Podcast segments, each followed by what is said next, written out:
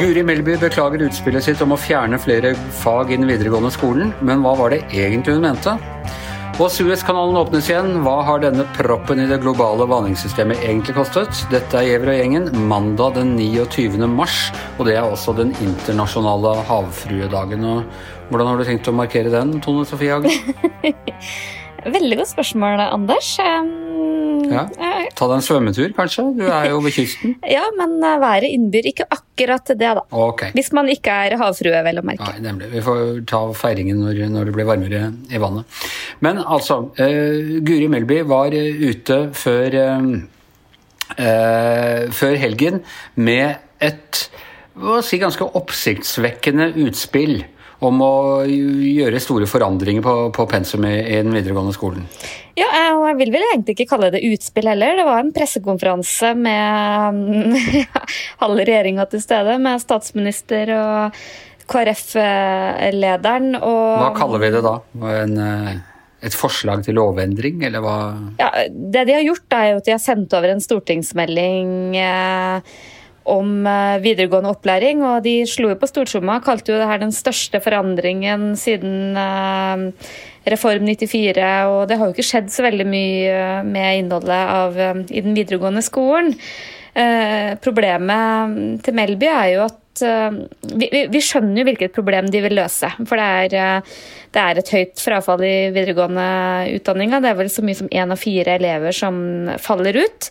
Problemet er at hvordan de skal løse det, virker jo ikke som de har reflektert like godt over. For det var det som glapp ut av henne på spørsmål fra VG, og de skylder jo litt på VG, da, er jo at, at det får det til å høres ut som at noen av de obligatoriske fagene er mindre viktige, og de skal ut. da. Men det var ikke det de mente. Det var VG som Det var VG som var så dum å stille det spørsmålet. Dette var, dette var medienes skyld, for en gangs skyld. Også, men hva var det de egentlig mente? Nei, og det er nettopp det som er litt sånn vanskelig å, å, forstå. For jeg ble i hvert fall litt sånn forvirra på nytt nivå når jeg hørte Guri Melby eh, på Politisk kvarter i morges. For eh, riktignok så la hun seg flat og mente på en måte ikke å si det at uh, disse fagene er ikke er så viktige som andre fag.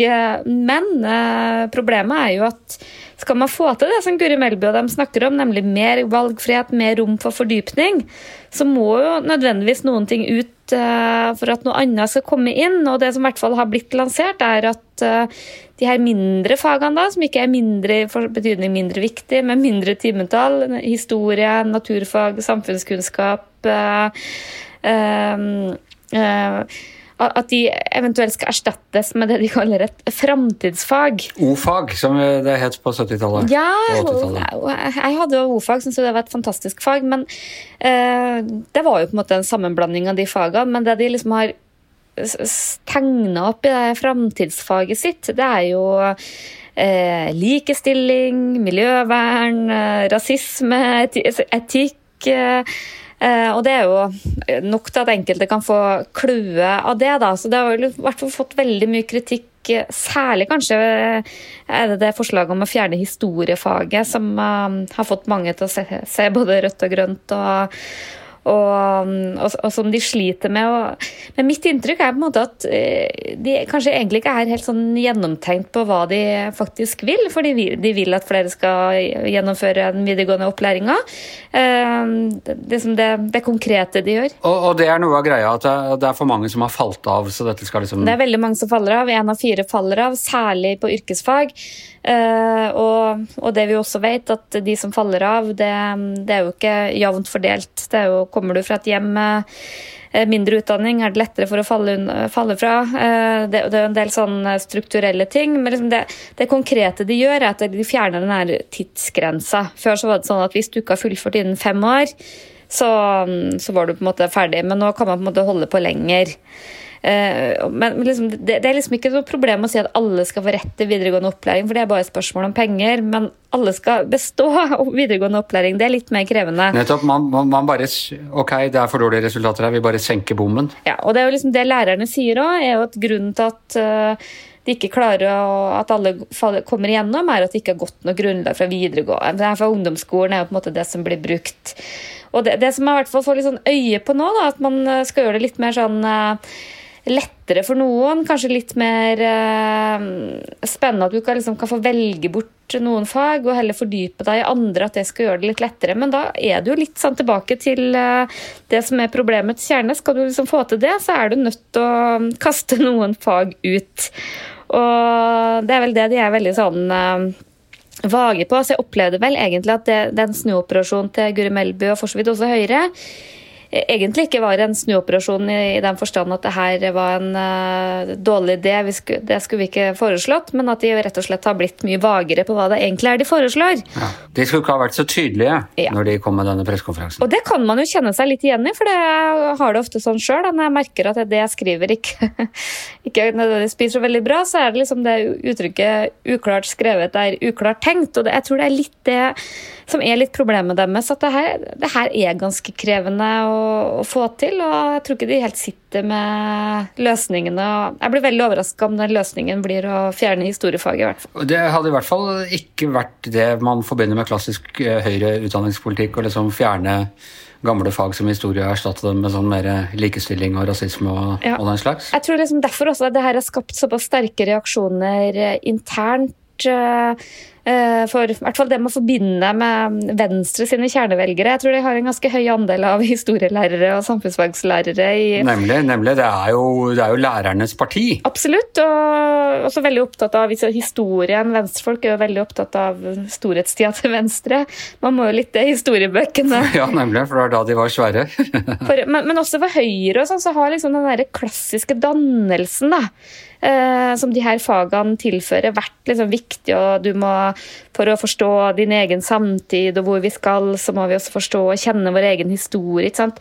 Det har vært litt sånn der, den der klassiske konservative høyresida. Derfor så tror jeg på en måte det var litt sånn ekstra sjokk at det var liksom Erna Solberg og Kjell Ingolf Ropstad og Guri Melby som sto liksom her og presenterte det her. da. Og så appellerer det til den klassiske evigvarende pågående kulturkrigen, selvfølgelig.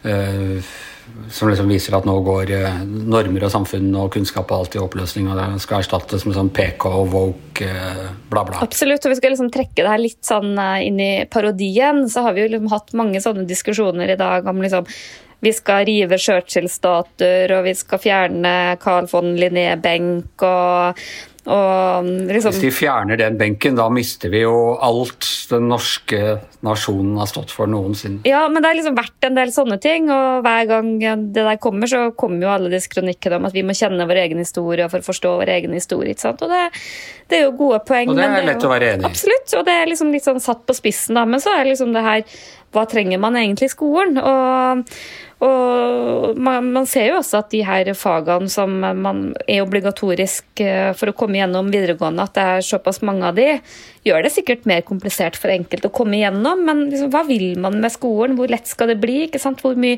man kan jo stille seg litt det spørsmålet er det skolen eller er det elevene sin grunnlag det er noe i veien med? Og så er jo liksom den der elefanten i rommet er eh, videregående opplæring er det for alle, liksom? Og det, det har jo endra seg voldsomt på noen tiår, fra at det liksom var eh, eh, noe alle, alle, ikke trengte, og, mens i dag så man, erkjenner man at det må liksom alle ha for å, for å få en jobb og finne en plass og komme videre i samfunnet. Så det, det er ganske sånn krevende Det er grunnleggende spørsmålene der, da. Fordi arbeidslivet har forandret seg, og, og mange av de jobbene som man kunne få før, de er forsvunnet. Ja, og til og med også for det man kan kalle litt sånn mer mekaniske jobber, så kan man ha en fagopplæring og ja, Arbeidslivet har vært veldig forandra, og skolen kanskje ikke helt um, henger helt med på det. det. er, det er en god valgkampsak for type opposisjonen, i hvert fall hvis, hvis de henger, uh, henger, fast i en slik oppfatning. Jeg tror i hvert fall det, det liksom lettvinte poengene der uh, er en god valgkampsak for uh, opposisjonen, men så tror jeg nok at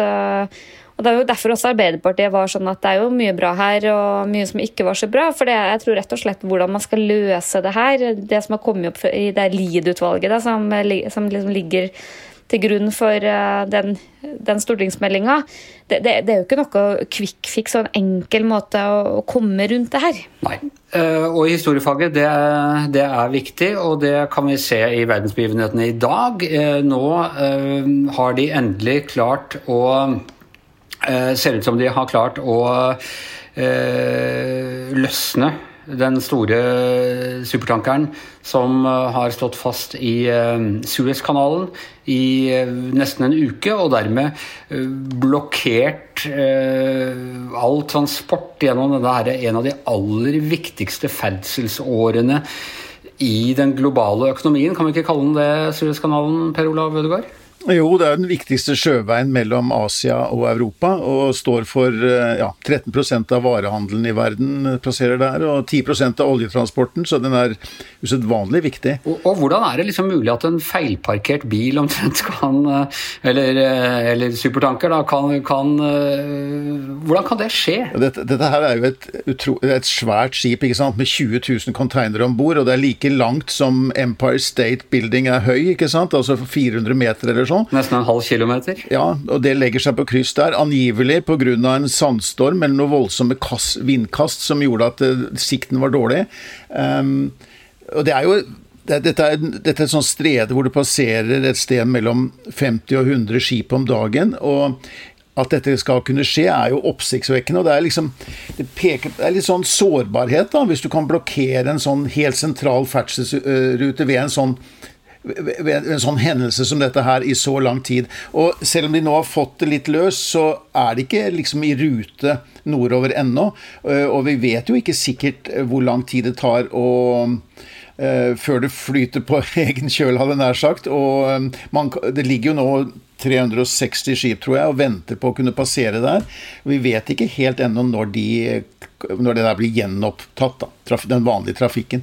Eh, politisk sett, eh, hva betyr det at den er sperret på den måten? Er det stater som ut, har kunnet utnytte og har utnyttet eh, den situasjonen, eller er dette et problem for, for alle? Det er et problem for mange, da. Det er et problem for Egypt først og fremst, fordi de har jo store inntektskilder ved denne, De taper store beløp på dette her. Det var et viktig prosjekt for den presidenten der, Al-Sisi, som jo overtok i 2015 eh, var det vel ved et kupp. Eh, og da, det Noe av det første han gjorde, 2014-2015, var å starte en oppgradering av Suezkanalen. Det skulle liksom, Fra å kunne ta 50 skip om dagen, skulle de ta oppimot 100 skip om dagen. Så det ble utvidet. og um, Nå taper de store beløp hver eneste dag. Um, og ehm, det er ikke bare de, men det er Vi, vi ser på en måte hvor sårbare vi er for bare sånne ganske korte um, avbrudd også. Fordi veldig mange bedrifter er avhengig av å få inn varer i tide. Man har basert seg på at liksom alle deler i industriproduksjonen i Europa f.eks. er avhengig av å få varer akkurat i riktig tid. Um, og man har lite, lite på lager. Um, og jeg tror nok både pandemien og sånne hendelser som det som nå har skjedd i Suez, gjør at man ser at det er nødvendig å ikke bare basere seg på at du skal få alt akkurat i riktig tid, men at du er nødt til å ha noe på lager og være beredt. Vi så jo pandemien. Når vi plutselig ikke hadde sånn helt enkelt beskyttelsesutstyr som munnbind og sånne ting, så tok det veldig Vi hadde jo ikke det på lager, og det tok ganske lang tid da å få disse tingene på plass. Um, uh, så det har vist en viss sånn sårbarhet i dette med Og det har vært mye snakk om globalisering nå. Det har blitt økt fokus, politisk fokus på globalisering. Eh, så sikre handelsruter og det å kunne ha noe på lager tror jeg er en av lærdommene disse krisene vi har sett. Vi glemmer nesten liksom at ting må fysisk transporteres lenger. For går, ja, det er klikk og hent, liksom. At du, du, klikker her, og så materialiserer det seg borti gata. Eh, men hva eh, altså, På type sikt, eh, kunne det ha noe betydning for Nå snakker vi om den nye Silkeveien fra, fra Asia. Kina og gjennom nordområdene og ut ut på våre kanter eh, nordpå. Det, tror du at en sånn situasjon eh, fremskynder hele den litt skumle prosessen som foregår der med, med, Kina og Russland som har slått seg sammen for å åpne øh, åpne den der nordlige kanalen mot Vesten? Ja, nå, nå, nå, I første gang så ble det så lang, vente, lang kø utenfor i Rødehavet der at de, noen valgte jo å ta den lange ruten rundt Afrika Kapp til Gode Håp og rundt hele Afrika. Det tar jo over en uke lenger reisetid. Det koster masse penger og bruker opp stor del um, drivstoff, da, for å kunne tilbakelegge det, så, man, så, så, vet vi jo, som du er inne på der, med at eh, Kina bygger opp denne disse, Det er noen svære infrastrukturprosjekter som skal bygge nye silkeveier, som du sier, til mellom øst og vest. Um, og eh, Nordøstpassasjen har jo vært nevnt som en mulig større trafikkåre frem i tid, da, hvis, isene, hvis isen smelter eh, og er farbar i større deler av året. Um, men jeg tror nok Suez kommer til å bli, være fortsatt veldig viktig da, for en stor del av um, både råvarer og ferdigvarer og deler til industri i vest kommer til å være utrolig viktig for det i, i uoverskuelig framtid, egentlig. Så øh, Og det, det, er litt sånn eh, underlig å tenke på at eh, nå har de brukt ganske mye tid med å sette inn taubåter og gravemaskiner og alt, men det som jeg tror virket mest gunstig nå, var jo fullmåne og flo. De, ja, de, de, slakta en geit og la den på sandbanken ved fullmåne, og da løste problemet seg? Ja, nettopp. Så um, men eh, Suez har jo en lang historie hvor du har sett det har vært konflikter og kriger som har stengt den tidligere. Den, eh, og eh, nå er det et, et uhell. Det kan skje om igjen, så man må nok være mer forberedt på eller Man må ha en større beredskap da, mot den type hendelser. Og være litt bedre forberedt på at det kan faktisk bli forstyrrelser i sånne leveranser. Men nå har vi lært, så nå kommer det ikke til å, til å skje igjen. Eh, og med det så er Giæver-gjengen over for denne gangen. I hvert sitt hjemmestudio Tone Sofie Aglen, Per Olav Ødegaard. Jeg heter Anders Giæver, og mannen som holder podkastkanalen åpen dag etter dag, er vår produsent Magne Antonsen.